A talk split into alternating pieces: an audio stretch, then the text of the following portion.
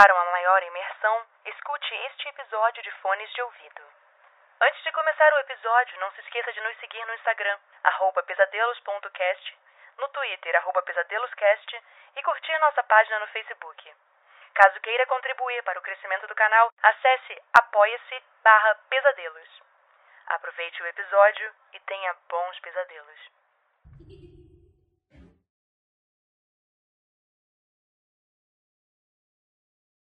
A Promessa, por William Camargo.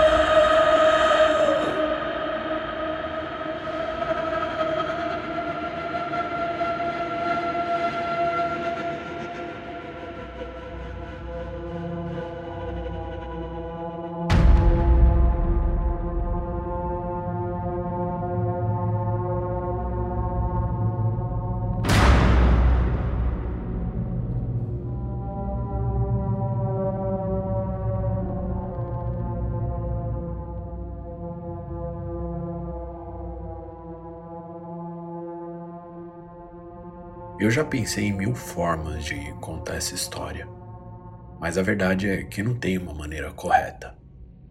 Enfim, eu vejo espíritos desde criança. Sim, pessoas mortas, crianças, adultos, jovens, todo tipo.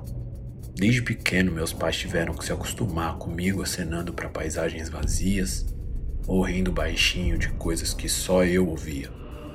No início eram amigos imaginários, mas quando eu fiquei mais velho as coisas pioraram. E me levaram em todo tipo de profissional: psicólogos, psiquiatras, até um padre.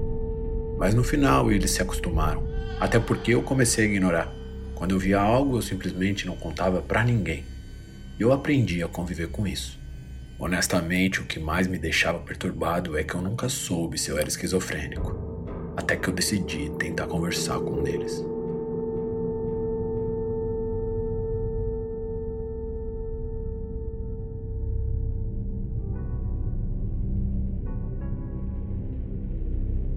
Eu tinha 22 anos na época. Eu estava acima do peso e decidi me exercitar. Arrumei uma academia de boxe perto de casa, bem do lado de um colégio primário. Todos os dias eu passava pela escola e ia treinar. Certo dia eu estava atrasado e fui correndo. Quando eu virei o quarteirão, eu já vi uma ambulância e uns policiais. Tinha um homem chorando, desesperado. Eu senti um calafrio quando passei pela ambulância. Eu sempre senti esse calafrio ou acontecia um tipo de déjà vu estranho. Dessa vez foi os dois. Aquela cena era extremamente familiar para mim, até a posição dos carros. Mas tinham muitos curiosos e eu não queria parar, eu estava atrasado. Ignorei como sempre e fui para aula. Com certeza eu senti a presença dela quando eu passei. Muitas pessoas morrem e nem se dão conta, ficam vagando, perdidas entre os dois mundos. Bom, eu nunca estudei nada a respeito, mas foi o que eu percebi nesses anos todos. De qualquer forma, eu continuei minha vida normalmente. No dia seguinte, eu fui treinar. E no meio do treino, eu soquei o saco de pancada. E minha mão começou a latejar na hora. Quando eu tirei a luva, eu percebi que meu dedo mindinho estava fraturado. Eu fui ao médico, meu dedo foi engessado e depois de três semanas deu para voltar a treinar. Percebi a ausência de um dos mestres. Ele também havia quebrado o mindinho. Aquela mesma noite, quando eu cheguei na casa dos meus pais, minha mãe havia feito um corte profundo no dedo mindinho enquanto fatiava legumes. Aquilo não me parecia normal. No dia seguinte, quando eu fui treinar, um dos alunos também fraturou o mindinho, bem na minha frente. Quando aconteceu, eu senti um calafrio. E mais uma vez a cena me parecia familiar. Eu já não conseguia mais dormir pensando naquilo. Não queria que mais ninguém se machucasse, eu sabia que eu tinha que fazer alguma coisa além do normal. Eu literalmente sentia. É difícil explicar. Então, pela primeira vez, eu decidi agir. Naquela mesma semana, na sexta-feira, eu saí durante a noite sem que ninguém percebesse e fui para perto da academia. E lá, eu senti novamente o calafrio.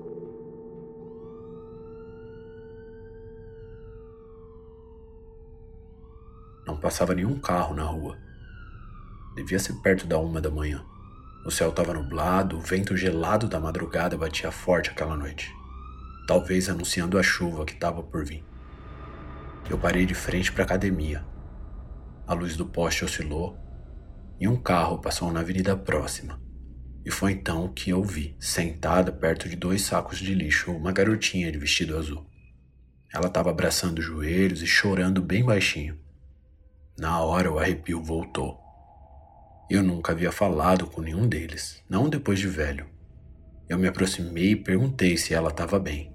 Ela olhou para mim com os olhos cheios de lágrima e balançou a cabeça dizendo que não. Eu sabia que era a garotinha atropelada. Ela olhou para mim e disse que estava brava com o pai dela. Eu perguntei o porquê. Ela se levantou, colocou as mãos curvadas na frente da boca, como se quisesse me contar um segredo. Eu abaixei e ela cochichou no meu ouvido bem baixinho.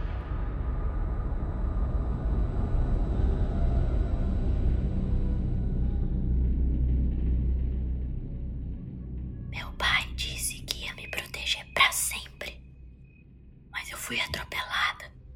Ele jurou. Jurou de dedinho.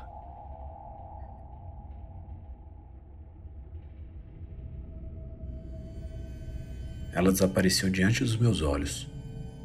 Não tinha mais ninguém lá.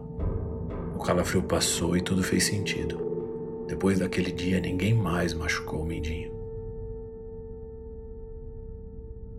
E foi então que eu me dei conta que, como os vivos, às vezes para encontrar paz, você só precisa conversar com alguém.